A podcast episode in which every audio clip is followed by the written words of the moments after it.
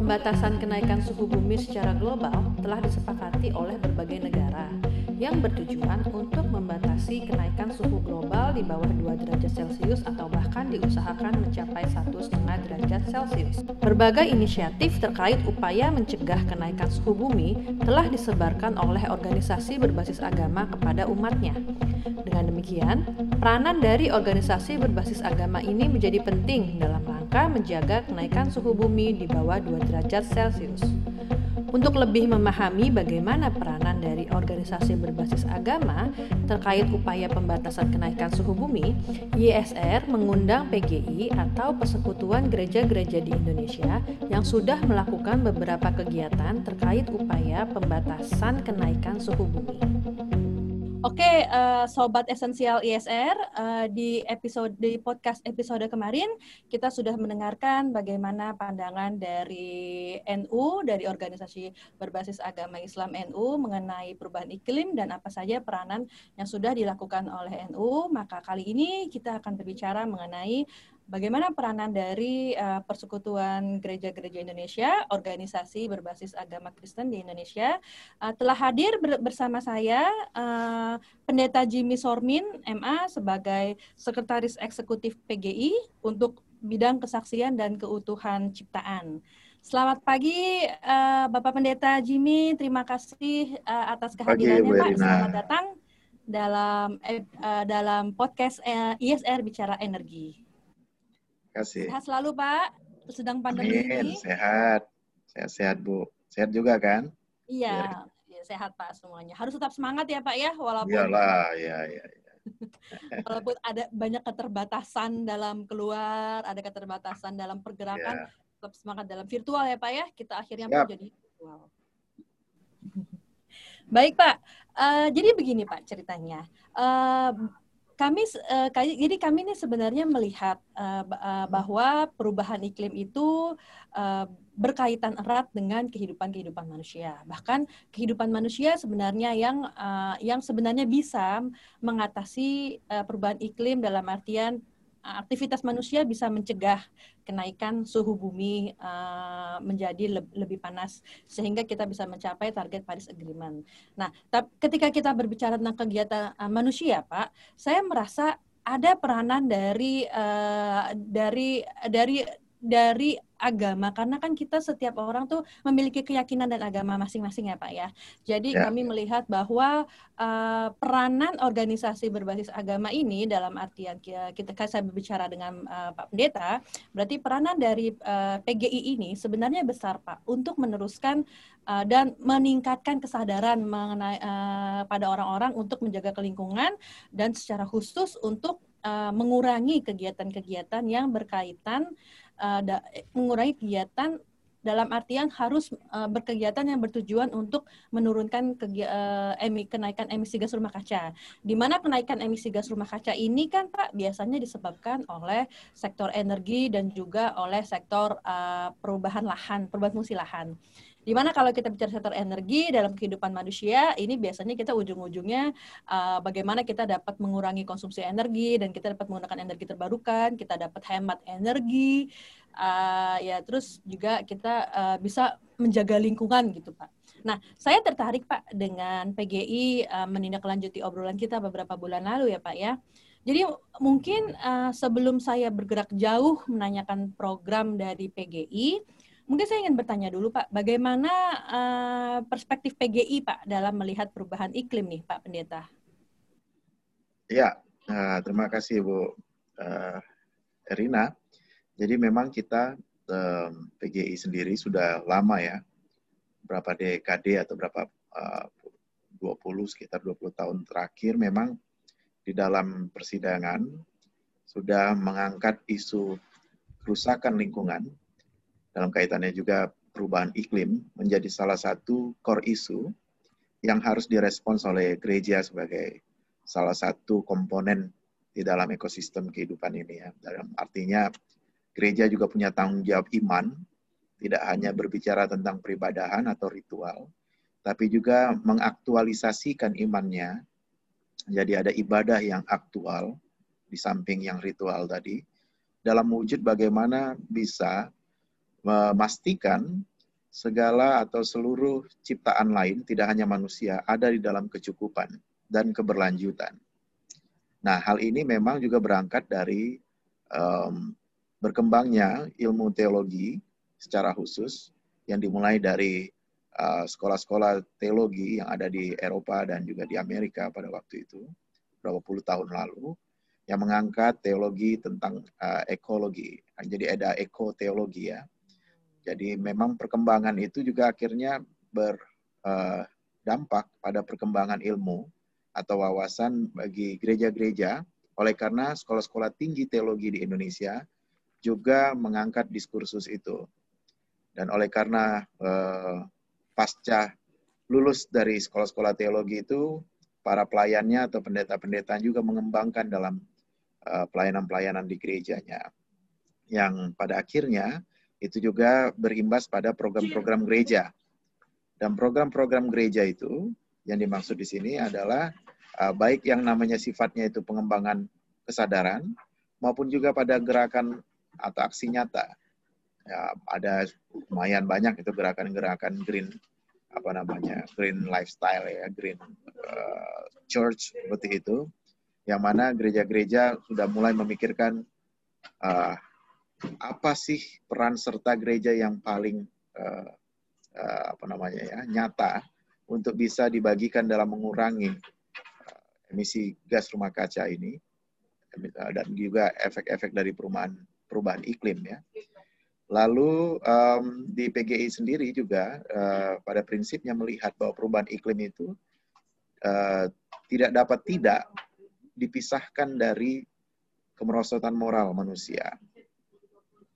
Jadi memang dunia ini punya mekanismenya. Jadi kalau kita lihat ada bencana gempa bumi, ada vulkano ya, ada badai dan lainnya itu itu sesuatu yang sudah mekanisme alam ini yang nggak bisa kita kita apa namanya uh, hentikan atau kita perdebatkan karena itu sudah ada dalam mekanisme itu.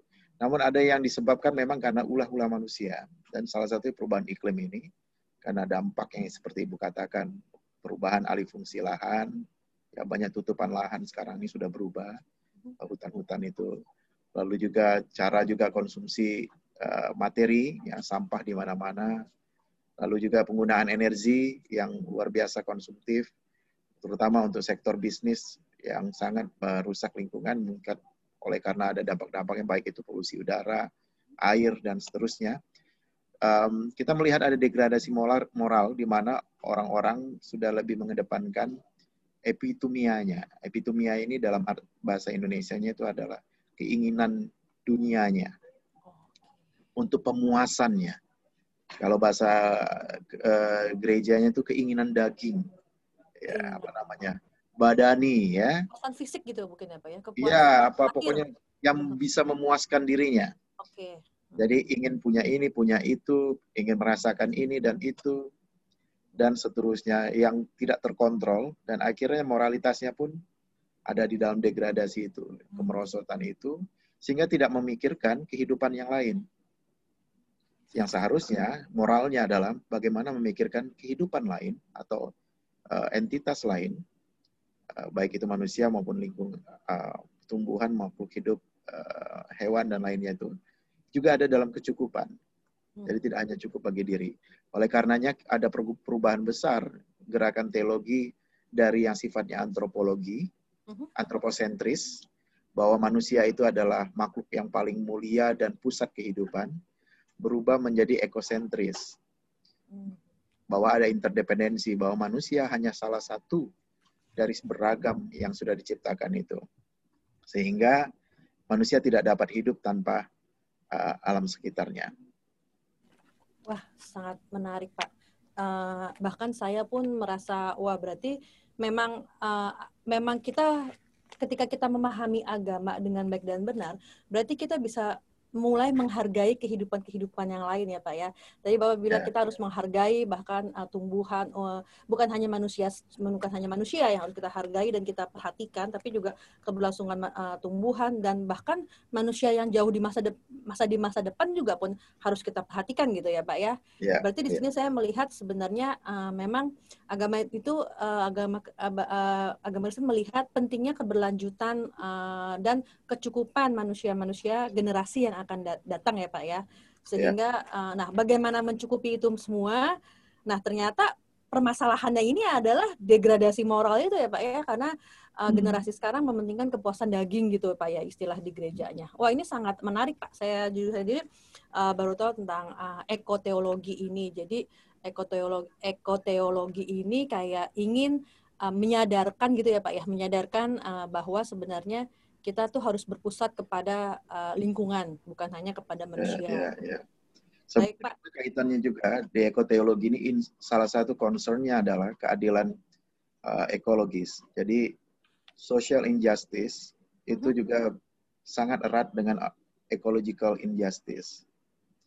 Jadi kalau kita sudah tidak adil terhadap lingkungan, hmm. dia akan merembes atau langsung dengan serta-merta dia juga berakhir pada ketidakadilan sosial. Kenapa demikian? Ketika misalnya contoh satu ekosistem uh, hutan yang di dalamnya ada masyarakat adat, ada perempuan, anak, dan mereka yang memang terpinggirkan atau serba kekurangan dalam arti perkembangan-perkembangan yang saat ini di dunia modern misalnya. Lalu datanglah para kaum yang sangat rakus untuk mengeksploitasi lingkungan itu dan dengan kekuatan hukum sebagainya, mm-hmm. menebang dan lain sebagainya, memang secara ekologis dia sudah tidak adil karena merusak lingkungan itu hanya untuk kepentingan sesaat atau untuk kebutuhan uh, uh, industri, ya. Dan sekaligus dia juga tidak adil secara sosial karena ada makhluk hidup yang sangat bergantung pada hutan dan uh, isinya, sehingga mereka tercerabut dari ekosistemnya, tercerabut dari akarnya. Uh-huh. Banyak kita lihat ya suku-suku sekarang, suku anak dalam, suku-suku uh-huh. dari pedalaman itu, mereka harus lari dari lingkungannya karena tempat tinggal mereka sudah ditumbuhi atau di dieksploitasi sebagai tambang ataupun uh, perkebunan skala besar yang membuat mereka sulit untuk menggantungkan hidup lagi dari alam. Uh-huh. Dan mereka mengalami shock yang luar biasa menarik Pak. Saya sendiri pun sebelumnya walaupun uh, sebelumnya tidak terpikir sejauh itu walaupun saya walaupun saya sebenarnya tahu bahwa uh, lingkungan itu sebenarnya banyak masy banyak masyarakat adat yang bergantung kepada lingkungan. Tapi saya sendiri pun tidak uh, menyambungkan hal bahwa ketika kita tidak adil pada lingkungan, ketika kita tidak adil pada hutan itu akan merusak pada social justice, keadilan sosial itu akan ter, akan terganggu gitu ya Pak ya. Mungkin untuk uh, lebih contohnya Pak ke apa ke kehidupan sehari-hari gitu Pak. Uh, mungkin apakah bisa Pak saya bayang saya analogikan seperti ini Pak. Jadi kan tadi Bapak bilang ketika kita tidak adil pada lingkungan itu akan berdampak ketidakadilan kepada uh, kehidupan sosial. Nah, di sini dalam artian ketika kita tidak adil pada lingkungan dalam artian uh, membuang sampah sembarangan atau dalam artian uh, uh, misalnya tidak mematikan uh, peralatan elektronik yang tidak digunakan itu nantinya akan berdampak kepada kerusakan lingkungan di mana kerusakan lingkungan misalnya kalau sampah tadi banjir. Nah, itu kan tidak berarti akan ada ketidakadilan untuk orang-orang yang tinggalnya di pesisir. Atau yeah. kalau misalnya ketika peralatan elektronik tidak dimatikan akan uh, itu artinya buang-buang istilahnya buang-buang energi dari kita kan saat ini banyaknya PLTU Pak. Nah, jadi hmm. asap PLTU emisi yang terbuang itu sia-sia jadi tidak tidak terguna, tidak terpakai, tidak terserap. Nah, tapi dampaknya itu kan akan dirasakan oleh orang-orang yang ada di PLTU. Itu analogi aja sih Pak. Apakah kira-kira seperti itu ya Pak? Hmm. Ya, jadi apa yang kita lakukan ada korelasinya pada akhirnya di uh, masa depan ataupun hmm. segera kita rasakan. Ya, kalau dicontohkan sampah, energi, energi kan harusnya bisa secara distributif terbagikan secara adil. Karena hmm. tidak ada penumpang di negara ini kan, semua adalah warga negara. Hmm. Namun kaum yang beruang, konglomerasi misalnya, mereka bisa saja menggunakan itu secara tidak bertanggung jawab oleh karena uh, modal yang besar. Namun bagaimana mereka yang tidak memiliki itu? Kita lihat banyak tempat yang di negara ini yang listriknya juga belum belum apa misalnya energinya ya belum terdistribusikan dengan baik. Misalnya Namun kualitas satu, energinya belum ada gitu Pak. Maksudnya listriknya ada tapi biar pet gitu. Kan Iya, iya. Ya, tapi bagaimana kan bisa diupayakan untuk itu.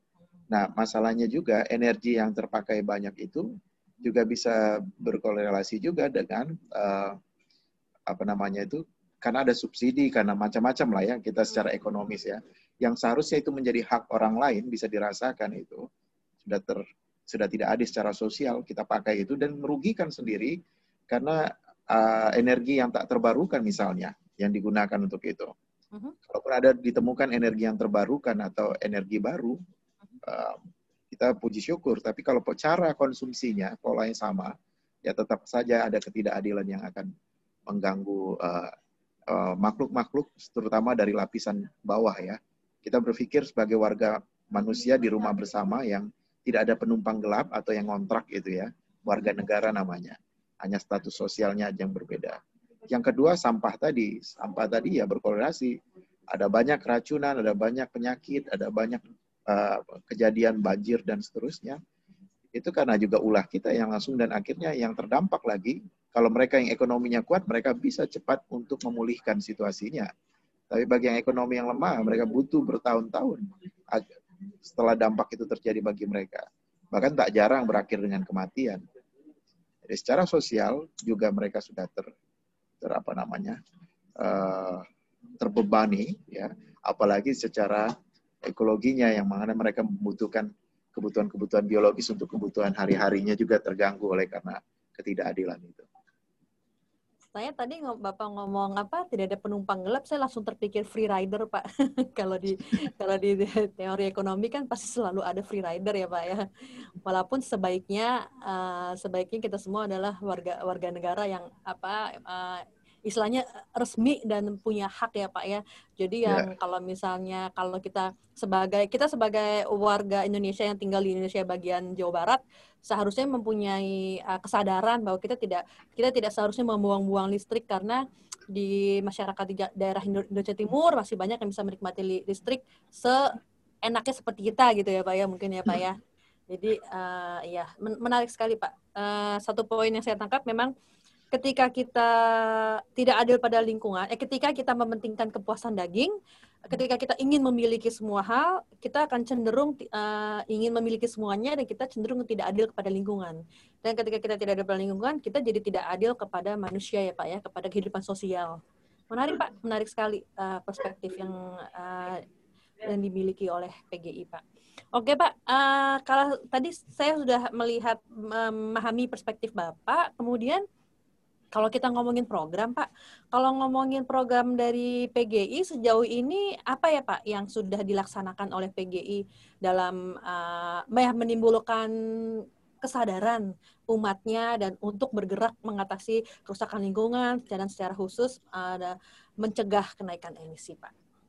Ya, sejak uh, 2009 diputuskan ada program dalam sidang raya PGI itu supaya concern salah satunya isu kerusakan lingkungan itu kemudian melahirkan uh, program salah satunya ya, salah satunya namanya Gereja Sahabat Alam atau Eco Friendly Church atau Eco Church seperti itu kalau di bahasa Inggris kan. Lebih keren bahasa Inggris ya? ya, iya. bahasa Inggris ya, Eco Friendly Church gitu. Ya, atau Eco Church gitulah disingkat lagi gitu kan. Ya. Jadi Eco Church ini memang the, eh, mengajak warga gereja selain tadi secara teologis ya orang-orang berapa pada tahu pada tingkatan juga kan ada lapisannya juga ya yang warga gereja yang secara akademik atau intelektual bisa menyerap itu dengan cepat ya akan mudah. Namun ada juga yang kalangan awam yang perlu melihat kesadaran itu dibangun lewat gerakan-gerakan, tidak hanya lewat teori-teori ataupun uh, penjelasan-penjelasan yang membutuhkan uh, daya tangkap tinggi. Uh, jadi kita membuat itu variannya ada, baiknya secara intelektual maupun juga yang secara uh, gerakan uh, basis ya berbasis gereja. Salah satunya ya uh, literasi. Literasi kalau yang sifatnya tadi intelektual, kita keluarkan buku-buku juga ya, uh, baik yang sifatnya kesadaran untuk uh, membangun semangat atau gaya hidup yang ramah uh, lingkungan, ada juga yang untuk advokasi lingkungan, jadi sifatnya advokatif, ada juga manual, bagaimana mendampingi ketika ada kerusakan lingkungan, gitu. Lalu ada juga uh, literasi terkait dengan khotbah-khotbah, jadi khotbah green preaching, uh, green preaching ya. Mm-hmm. Uh, jadi ada khotbah-khotbah hijau yang istilahnya bisa menjadi panduan kalau pelayan-pelayan mau membawa isu itu. Nah, ini skopnya literasi. Ada juga yang sifatnya gerakan. Jadi kita melakukan gerakan dari gereja sahabat alam ini membuat bank sampah misalnya. Ada gerakan bank sampah, pembuatan uh, lubang resapan itu gerakan waktu itu ya, udah lama sekali itu terus gerakan uh, anti plastik misalnya mengurangi itu kita juga dalam pertemuan-pertemuan gereja itu sudah ada sejak lama itu ya barangkali bisa dibilang PGI yang menjadi pionirnya oh, untuk yang mana Pak? Bank sampah atau yang plastik? yang gerakan anti plastik ini dalam arti ke mana-mana kita persidangan itu banyak gereja uh, menggunakan uh, tumbler ya tumbler oh. nggak oh. nggak ada lagi yang namanya plastik-plastik disediakan dari itu bahkan jadi kayak semacam apa ya pelabelan bagi orang yang masih itu berarti dia masih terbelakang gitu ya. Kalau masih oh. sifatnya yang kemasan plastik gitu ya di pertemuan-pertemuannya bahkan di hotel-hotel pun kita minta plastik-plastik itu disingkirkan digantikan dengan tumbler. Memang kosnya agak lebih tinggi nah, karena harus mengadakan itu. Namun itu upaya untuk membuat gerakan itu kesadaran bersama itu memang perlu biaya dan waktu. Uh, dan itu kemudian terakumulasi nanti waktu, uh, sewaktu-waktu. Dan itu sudah kelihatan. Itu dimulai dari kantor PGI ya sejak 2010 atau 2011 itu sudah ada gerakan supaya uh, bebas plastik di kantor kantor oh, pusat. Sudah lama ya Pak? Gerakan ya. plastik kan dari 2011. Iya, jadi kita tidak menggunakan minuman lagi, bahkan itu bisa dicaci maki istilahnya dalam tanda petik ya, Aha. diejek, didiskriminasi orang yang masih minum minum atau makan dengan kemasan-kemasan yang sekali pakai seperti itu. Selain soal lingkungan juga kesehatan kan, ada iya. biji-biji plastik yang mikro, uh, yang sifatnya mikro sekali ya, yang dapat mengganggu kesehatan diri sendiri dan orang lain. Tapi gerakan-gerakan penyadaran ini kan butuh waktu ya Pak ya. Uh, bagaimana uh, PGI bisa meyakinkan bahwa ini adalah ini emang harus dilakukan gitu. Apakah umat dari uh, langsung menyetujui atau gimana Pak? Atau awalnya lewat literasi dulu baru ada gerakan-gerakan atau bagaimana Pak? Bagaimana Pak Pendeta? Ya, sifat gerakan-gerakan ini memang uh, membutuhkan waktu seperti Ibu katakan. Tadi yang gerakan misalnya yang anti plastik, gerakan itu, itu juga di awal banyak yang tidak tidak langsung ini ya welcome ya karena merasa apa sih ngerepotin gitu lah atau sok-sok barat misalnya atau sok-sok apa begitu yang dimulai begitu banyak pertentangan terutama dan hmm. itu memang membutuhkan kedisiplinan diri kedisiplinan diri ini yang dimaksud dengan spiritualitas itu artinya. Kita mengembangkan namanya spiritualitas keugaharian. Dari sidang raya 2014 itu uh, kita kembangkan sifatnya namanya keugaharian itu artinya uh, spirit.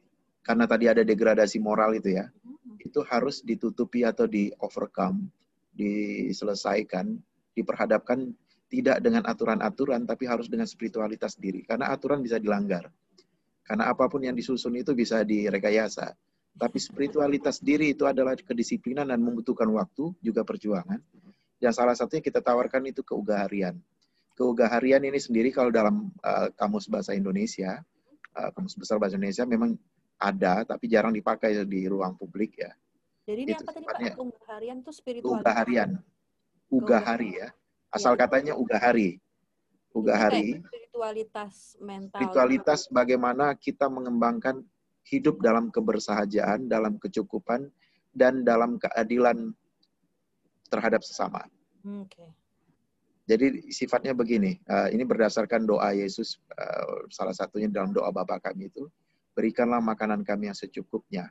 Berikanlah kami hari ini makanan kami yang secukupnya. Makanan di sini bukan hanya bersifat namanya kalau diterjemahkan secara liter, uh, apa namanya, cara harafiah di situ dalam bahasa aslinya itu adalah roti. karena makanan dulu orangnya roti dan macam-macamnya. Tapi yang dimaksudkan di sini adalah rezeki atau apa yang pemberian Tuhan harus ada yang secukupnya. Hmm. Jadi kalau keinginan daging itu tadi tidak terbatas, kita justru harus bisa mengatakan secukupnya. Okay. Jadi cukup, berani berkata cukup. Aku dapat ini harus kata. Bukan berarti kita tidak boleh kaya, uh-huh. boleh bukan berarti kita tidak boleh punya ini dan itu, tapi kita tahu di mana batas cukupnya. Iya. Ya. Yang kedua, harus memastikan di sekitar kita juga cukup. Hmm. Pohon itu cukup untuk tumbuh, ya. Binatang itu cukup untuk bisa dapat kehidupannya. Hmm. Manusia lain apalagi bisa hidup untuk seterusnya dalam keadaan cukup. Perjuangan kita itu memastikan itu. Jadi kata cukup ini sangat kuat dan sangat uh, mendalam kalau kita mau men, mau mau mau apa ya disiplin untuk untuk melakukannya. Misalnya cukup untuk berkata aku kerja hari ini sudah terlalu over, stop cukup karena badanku misalnya ya hmm. juga membutuhkan istirahat. Jadi kecukupan itu adil pada diri, adil pada yang lain juga, tidak hanya tentang diri sendiri saja. Tapi nah, terkadang nah, batasan orang untuk kecukupan ini bisa berbeda, Pak. Betul. Karena Makanya itu yang dibutuhkan. Cukup. Ya, karena itu yang dibatakan spiritualitas.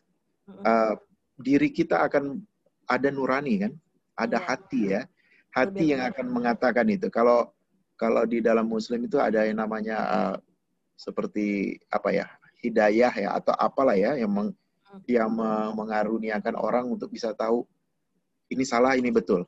Oke. Okay. Ya. Nah kalau di Kristen itu ada namanya suara hati dari Roh Kudus misalnya Roh Kudus oh, mengatakan gitu ya mengintervensi hati atau nurani seseorang mengatakan ini nggak boleh, ini boleh gitu ya. Nah, sekarang adalah kepatuhan untuk melakukan yang yang boleh itu. Ya, dan untuk tidak melakukan yang tidak boleh itu. Itu yang sulit, Pak. Ya, ya. Karena tadi seperti Bapak-Bapak bilang, memang uh, itu sama seperti peraturan ada untuk dilanggar, tapi hmm. kedisiplinan dari spiritualitas kita itulah yang menentukan kapan kita eh bahwa kita harus mematuhi peraturan. Betul. Itu sama seperti yang Bapak katakan. Dan uh, itu butuh konsistensi ya, perjuangan diri juga, komitmen diri ya, Bu Erina. Saya iya. tuh uh, saya jujur sering kali saya khotbah di gereja itu, kan mereka biasanya siapkan minuman. Uh-huh. Minuman itu masih dalam gelas plastik apa namanya kemasan itu ya, mereknya apa aja lah itu ya, ada yang botol juga plastik itu. Dan mereka heran selalu tawarkan saya nolak nolak nolak. Saya bilang percuma kita begini. Saya selalu ngomong gitu ya saya sudah jelaskan maksudnya kenapa saya begitu. Saya diet plastik. Sekalipun saya sudah kering mulut saya ngomong, saya batuk-batuk, saya tahan betul. Kalau bukan itu gelas dan diisi air, saya artinya saya tidak akan minum. Oh. Kalau itu gelas saya akan minum gitu ya. Jadi orang-orang bingung gitu. Tapi pertanya, pertanya, uh, kenyataannya ya di gereja yang sama dengan ulang-ulang saya ngomong begitu, toh tetap aja. juga ya begitu gitu. Mungkin karena tidak terbiasa hanya pengkhotbahnya saya saja yang konsisten seperti itu, yang lainnya berubah-berubah atau tetap melakukan itu. Dan ini tergantung dengan diri saya mau mau sampai seumur seumur hidup saya mau dimulai dari diri sendiri. Iya. Makanya kami melihat untuk meningkatkan kesadaran uh, kesadaran masyarakat ini uh, perlu juga nih peranan dari peranan dari agama itu karena setiap orang kan memiliki keyakinan yeah, agamanya masing-masing. Dan dan masyarakat harus mendengarkan sendiri dari uh, dari orang yang memiliki pemahaman agama lebih kalau ya, ya makanya yeah. saya minta dari uh, sebelumnya saya dari agama Islam, saya juga minta uh, narasumber yang memiliki pemahaman lebih tentang agamanya dan sekarang saya minta Pak Pendeta supaya hmm. saya dengan harapan nih uh, para pendengar yang mendengarkan podcast kita tuh bisa mulai terpanggil Pak memiliki apa su uh, mendapatkan suara hati dari Roh Kudus bahwa yeah. uh, sebenarnya apa yang kita lakukan saat ini itu uh, akan bisa berujung kepada ketidakadilan sosial kalau ya. kita tidak adil pada lingkungan dan kalau kita sebatar sebatas memuaskan artinya kepuasan daging. Nah, oleh ya. karena itu Pak, saya uh, oleh karena itu saya melihat penting untuk meminta Pak Pendeta uh, hadir dalam podcast kali ini, Pak. Nah, ya, ya. kemudian Pak, Pak, kemudian Pak Pendeta, pertanyaan lanjutan saya tuh gini, Uh, jadi kan uh, saat ini kan uh, saat ini kan ada dokumen-dokumen seperti NDC itu yang banyak orang melihat bahwa dokumen ini sebenarnya sebatas dokumen elitis gitu ya hanya ya. kaum kaum tertentu saja uh, polit, uh, yang yang tahu mengenai tentang uh, tentang tentang NDC ini tapi sebenarnya kan inti dari NDC ini uh, pembatasan dari kenaikan suhu di mana pembatasan kenaikan suhu tadi kita udah berbicara panjang lebar dengan uh, saya bicara saya tanya Pak Pendeta bagaimana uh, programnya kira-kira apa saja. Nah, tapi apakah Bapak mempunyai uh, tanggapan secara khusus Pak? Mungkin uh, mungkin Pak Pendeta ada pandangan secara khusus tentang NDC ini atau bagaimana sih seharusnya uh, NDC ini bisa mencakup aspek-aspek uh, dari yang diperjuangkan oleh PGI gitu Pak, mungkin kira-kira. Ya, ya Bu Erina, jujur selama ini kita memang selalu melandaskan segala program itu dalam kajian-kajian. Berdasarkan fakta-fakta yang ada di lapangan. Ya, apa yang menjadi uh, suara dari gereja-gereja ya di seluruh Indonesia maupun juga dalam diskursus internasional sehingga kita uh, kemudian mengejawantahkan itu atau meng materialisasikan itu dalam bentuk program kerja. Uh, ada nama sifatnya program kerja lima tahun pro, gitu ya, uh, Prokalita di PGI itu sendiri. Dan itu semua memang berdasarkan berbagai informasi. Mhm. Nah, dokumen-dokumen internasional, perjuangan bagaimana mengurangi emisi, bagaimana itu apa namanya uh, kita bisa uh, berpihak pada bank karbon misalnya ya, maksudnya gerakan seperti itu di Indonesia dengan menjaga hutan dan seluruhnya dalam rangka pengurangan emisi itu sendiri. Itu juga informasi-informasi seperti itu kita terima. Hmm. Namun pada akhirnya kita tidak bisa berbuat banyak untuk mengawal itu secara terstruktur dan sistematis. Oleh karena memang satu ruang kita ber apa namanya berkarya ini memang pada tataran uh, kehidupan gerejawi ya. Kita percaya bahwa tidak akan overlap dengan NGO-NGO atau ICSO atau lembaga pemerintahan yang bergerak untuk itu seperti uh, ISR ya dan uh, teman-teman uh, lainnya seperti itu. Kita akan memberikan support uh, secara moral, memberikan dukungan untuk penyadaran, bahkan juga gerakan sosial bahkan untuk mendorong itu ketika terjadi ketidakadilan lingkungan. Dan kita itu juga menyiapkan itu aspek hukum, aspek sosiologis, dan aspek-aspek lainnya tentunya. Nah, kalau kita ngajak itu pada bagaimana supaya warga jemaat misalnya untuk tahu dokumen itu, itu membacanya aja sulit, Mbak. Gitu ya. Kita yang biasa di di dunia di gerak bergerak di lingkungan gerakan lingkungan misalnya aja ya, butuh waktu untuk memamah itu. Ini maksudnya apa, ini apa gitu kan. Biasanya kan orang dari disiplin lingkungan ya biasanya mengerti itu ya. Uh, ataupun apa itu disiplin ilmu apa yang biasanya lebih lebih cepat menangkap itu ya ya ilmu ilmu, ilmu lingkungan ilmu lingkungan ya ilmu lingkungan ya nah, dan tidak semua orang mempunyai latar belakang itu kan untuk mengerti data-data misalnya ataupun grafis yang ada di dalamnya itu. Yang paling penting adalah bagaimana semangatnya itu sendiri. Kita tahu gitu loh bahwa kita ini bagian yang tak terpisahkan dari lingkungan kita. Hmm. lingkungan hidup itu lingkungan bisa hidup tanpa kita. Tapi kita tak bisa hidup tanpa lingkungan kita. Itu yang harus disadarkan dulu. Karena kalau enggak selalu ada kebiasaan yang tadi itu di dalam gereja sendiri sekalipun sudah diingatkan mhm. bahwa ini enggak itu loh. Tapi cuma berpikirnya kan ah ini kan satu gelas aja, satu plastik. Ya enggak berpikir bahwa ini akan beruntun efeknya. Hmm. Kalau ada yang firm di dalam gereja satu gereja misalnya, sadar komitmen mau melakukan itu, itu akan mungkin butuh waktu 10 tahun, 20 tahun untuk orang bisa berubah dalam satu gereja itu. It's okay. Tapi paling tidak kita sudah memulai daripada tidak memulai sama sekali. Itu yang paling penting. Dan data-data itu tidak akan bergerak atau dokumen-dokumen itu tidak akan menginspirasi sama sekali kalau tidak dimulai dari hal-hal kecil tadi. Nah, kita tadi saya belum sebutkan ya, kita juga buat gerakan tanam pohon juga ada di situ ya. Hmm. Baik itu yang di sisir pantai maupun di daerah-daerah yang sudah sudah uh, gundul ataupun yang sudah terdampak pembangunan seperti itu. Dan juga mulai dari rumah uh, kita berapa tahun terakhir juga menggerakkan supaya misalnya baptisan. Baptisan itu bisa di di daerah-daerah diterjemahkan misalnya Ketika membaptis anak, artinya satu pohon yang bisa di sana. Atau mau bentuk komitmen imannya 10 pohon yang dia tanam. Hmm. Lalu misalnya CD, ada istilahnya itu katekisasi di gereja. Ada perkawinan. Bentuk syukurnya adalah dalam bagaimana memastikan ada tumbuhan yang hidup. Karena itu wujud syukurnya. Kita gerakan seperti itu. Jadi gerakan menanam sejuta pohon dari gereja untuk bangsa. Seperti itu. Kita buat juga itu setiap tahun. Uh, jadi semua gereja diajak seperti itu. Jadi hal-hal kecil itu kalau kita konsisten menggerakkannya, itu akan menjadi gerakan yang masif. Tapi kalau tidak ada satupun yang memulai, ya tidak akan pernah ada gerakan seperti itu. Saya bisa ngomong bahwa misalnya hanya saya melakukan itu misalnya. Hmm. Misalnya ya, dan orang lain tidak melakukan itu. Tapi kalau saya tidak pernah melakukan itu, dari mana orang lain akan tahu bahwa pernah saya melakukan itu? Ya. Gerakan yang berpihak pada itu saya juga sebenarnya uh, sepakat ke, ke ke ke pendeta karena memang memang kita semua tidak bisa bergerak uh, da, uh, dalam satu hal yang sama. Mungkin memang kita terikat dalam satu isu lingkungan, tapi kita masing-masing punya peranan masing-masing gitu mungkin ya pendeta yeah. ya.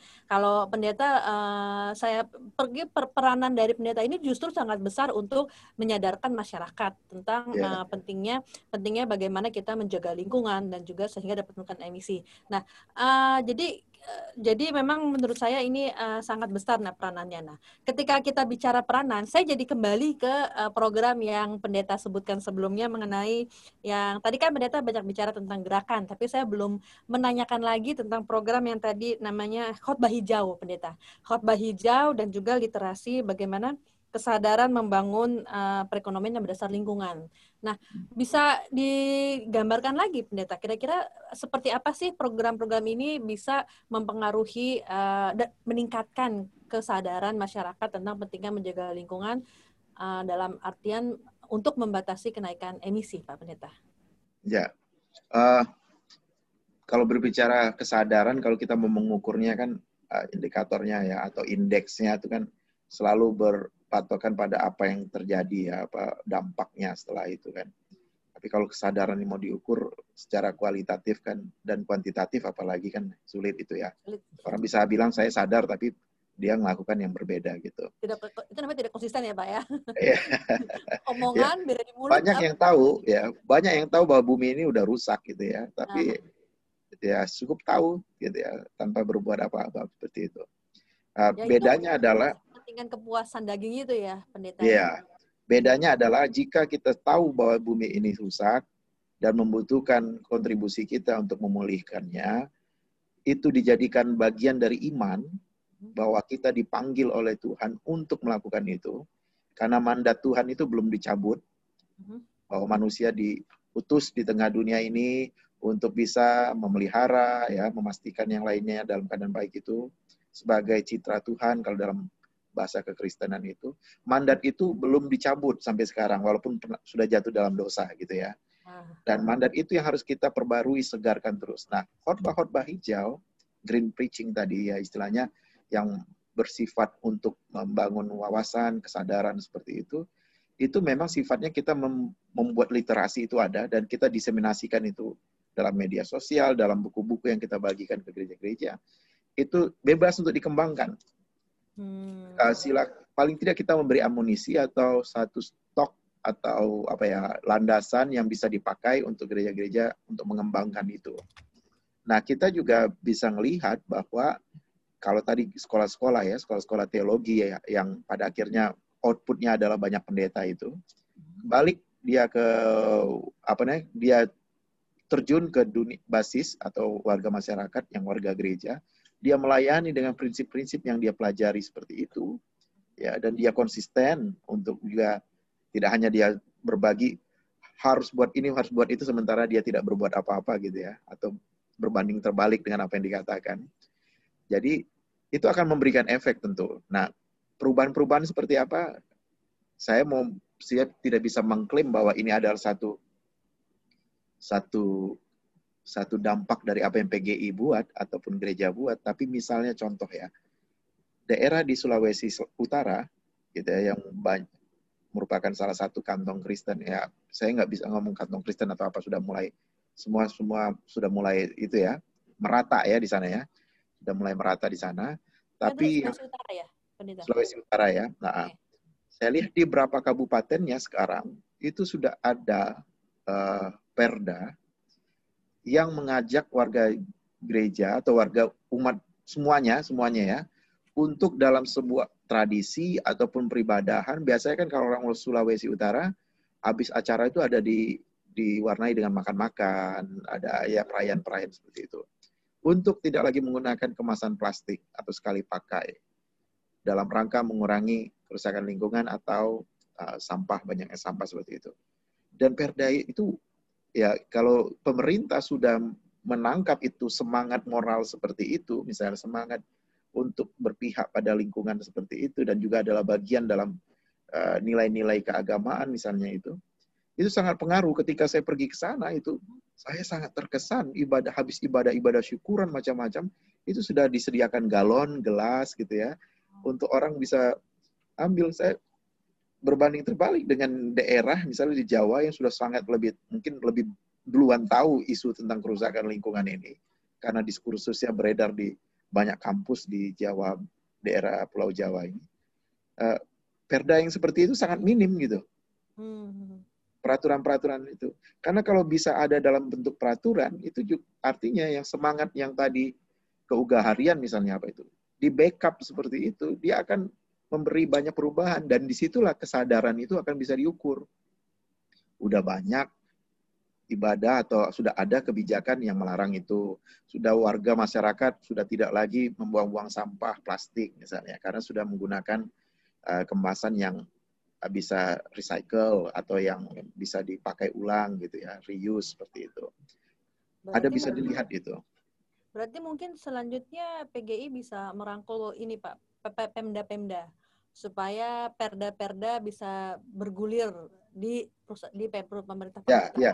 Itu yang kita lakukan juga di beberapa tempat kan karena juga oh, banyak pejabat, ada pejabat-pejabat yang memang warga gereja kan. Jadi ya, ketika ya. pejabat itu tahu misalnya green preaching tadi, misalnya pendeta yang berkhotbah tentang itu dia mendengar, apalagi juga ada policy dari PGI, ada uh, kertas posisinya tentang lingkungan dan macam-macam. Kita sekali lagi saya tidak bisa mengklaim itu karena itu, hmm. tapi karena salah satu hal apa? Ya, misalnya itu bisa mungkin menginspirasi ya menginspirasi sehingga terjadinya itu kebijakan-kebijakan lokal yang berpihak pada lingkungan seperti itu. Saya uh, di di misalnya di di kabupaten uh, saya nggak usah sebut namanya lah ya, tapi okay. di Kalimantan Barat misalnya tempat saya tugas dulu ya, ketika di di kabupaten lain sangat mudah mengeluarkan izin untuk usaha HGU seperti itu ya, untuk perusahaan-perusahaan, salah satu kabupaten karena bupatinya itu punya sensitivitas iman juga yang lumayan gitu ya. Dia tidak mudah tuh mengeluarkan itu, dia mengatakan ini kan lagi moratorium. Ya. Oh. Okay. Sekalipun mungkin maharnya tinggi, upetinya tinggi, dia tetap mengatakan enggak. Izin usaha, eh, izin konsesi stop dulu tidak ada itu. Selama berapa tahun dan dia konsisten. Sementara di kabupaten lain tidak melakukan itu.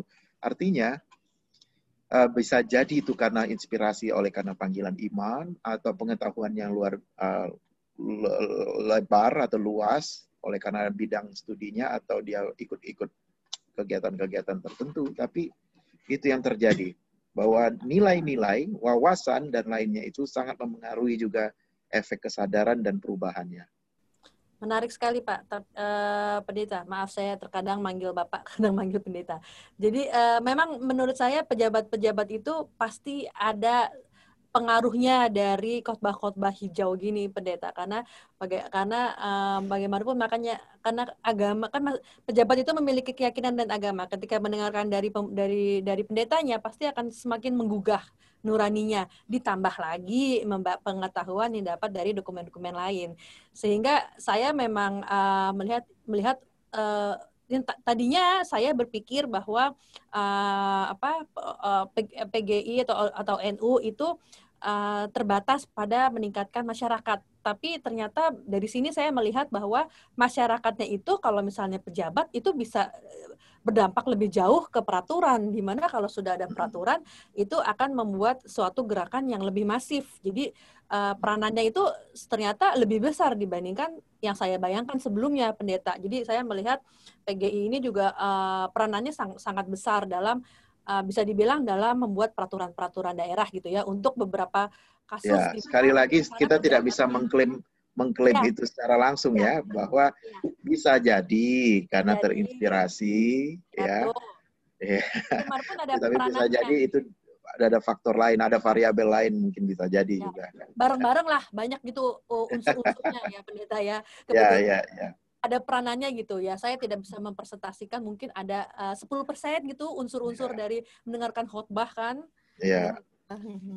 Baik. Bisa jadi dua persen gitu ya. Ya, atau mungkin dua persen, tapi tetap dua persen tapi yang menentukan kan? Iya betul.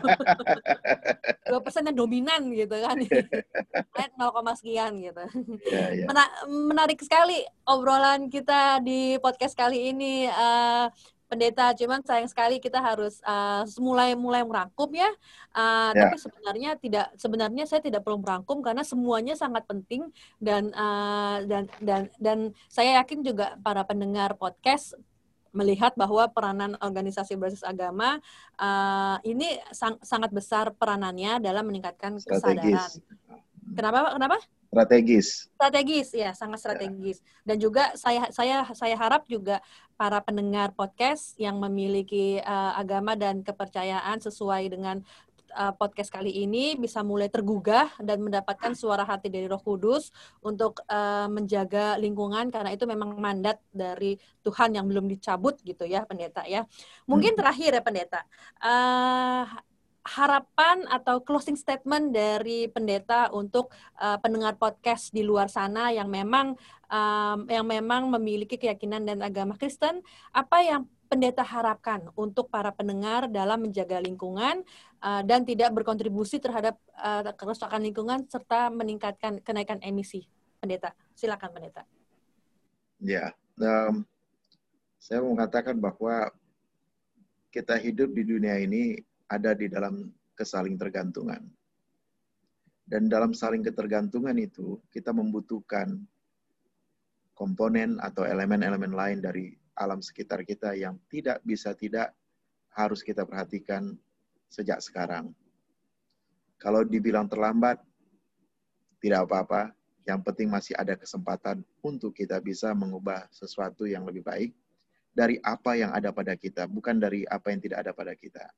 Artinya, jika kita punya talenta sekecil apa pun itu, pengalaman, pengetahuan, keterampilan, dan apa pun itu yang bisa berkontribusi untuk mengurangi krisis lingkungan ini, persembahkanlah itu untuk Tuhan, maka Tuhan juga akan perlengkapi saudara-saudara untuk bisa berkarya lebih jauh lagi di dalam upaya bersama, bersinergi, berkolaborasi secara global dalam mengurangi persoalan uh, perubahan iklim yang nyata-nyata sangat mengganggu kehidupan manusia, bahkan saudara-saudara yang dalam keadaan rentan secara finansial ataupun juga secara ekologis karena tinggal di daerah-daerah yang memang rawan terjadinya uh, krisis-krisis di dalam kehidupannya. Jadi marilah kita siapkan diri kita untuk memberikan yang terbaik, tidak hanya berpikir untuk memberikan terbaik untuk sesama, tapi memberikan yang terbaik untuk Tuhan selama kita hidup. Karena hidup hanya satu kali, bersihkanlah legacy yang terbaik untuk generasi ke depan dan lingkungan di sekitarmu. Amin. Saya kan bahasanya bahasa agama kan? Nah. Iya. Saya, kalau bahasanya kalau bahasa suasana, politik saya pakai yang lain. saya terbawa suasana mendengarkan khotbah Bapak. Waduh. Hmm, sampai terharu saya Pak Pendeta. Iya. Itu Terima kasih banyak bidangnya di situ ya. Iya. Menjiwai Pak, benar ternyata iya. Iya. Menjiwai, emang peran. oh iya, berarti bukan peran, maaf. Iya. sangat sangat bagus. memang udah, udah, udah, udah, udah, udah, udah. Oke, okay, baik. baik. Baik, ya, Pendeta Jimmy, terima kasih banyak atas kesediaannya.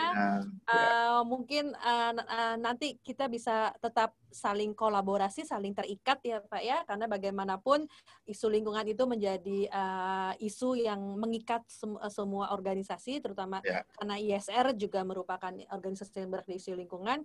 Jadi saya yakin uh, dan lingkungan satu bu, dan lingkungan itu menjadi common ground bagi kita untuk terjadinya dialog antar perbedaan antar keberagaman itu.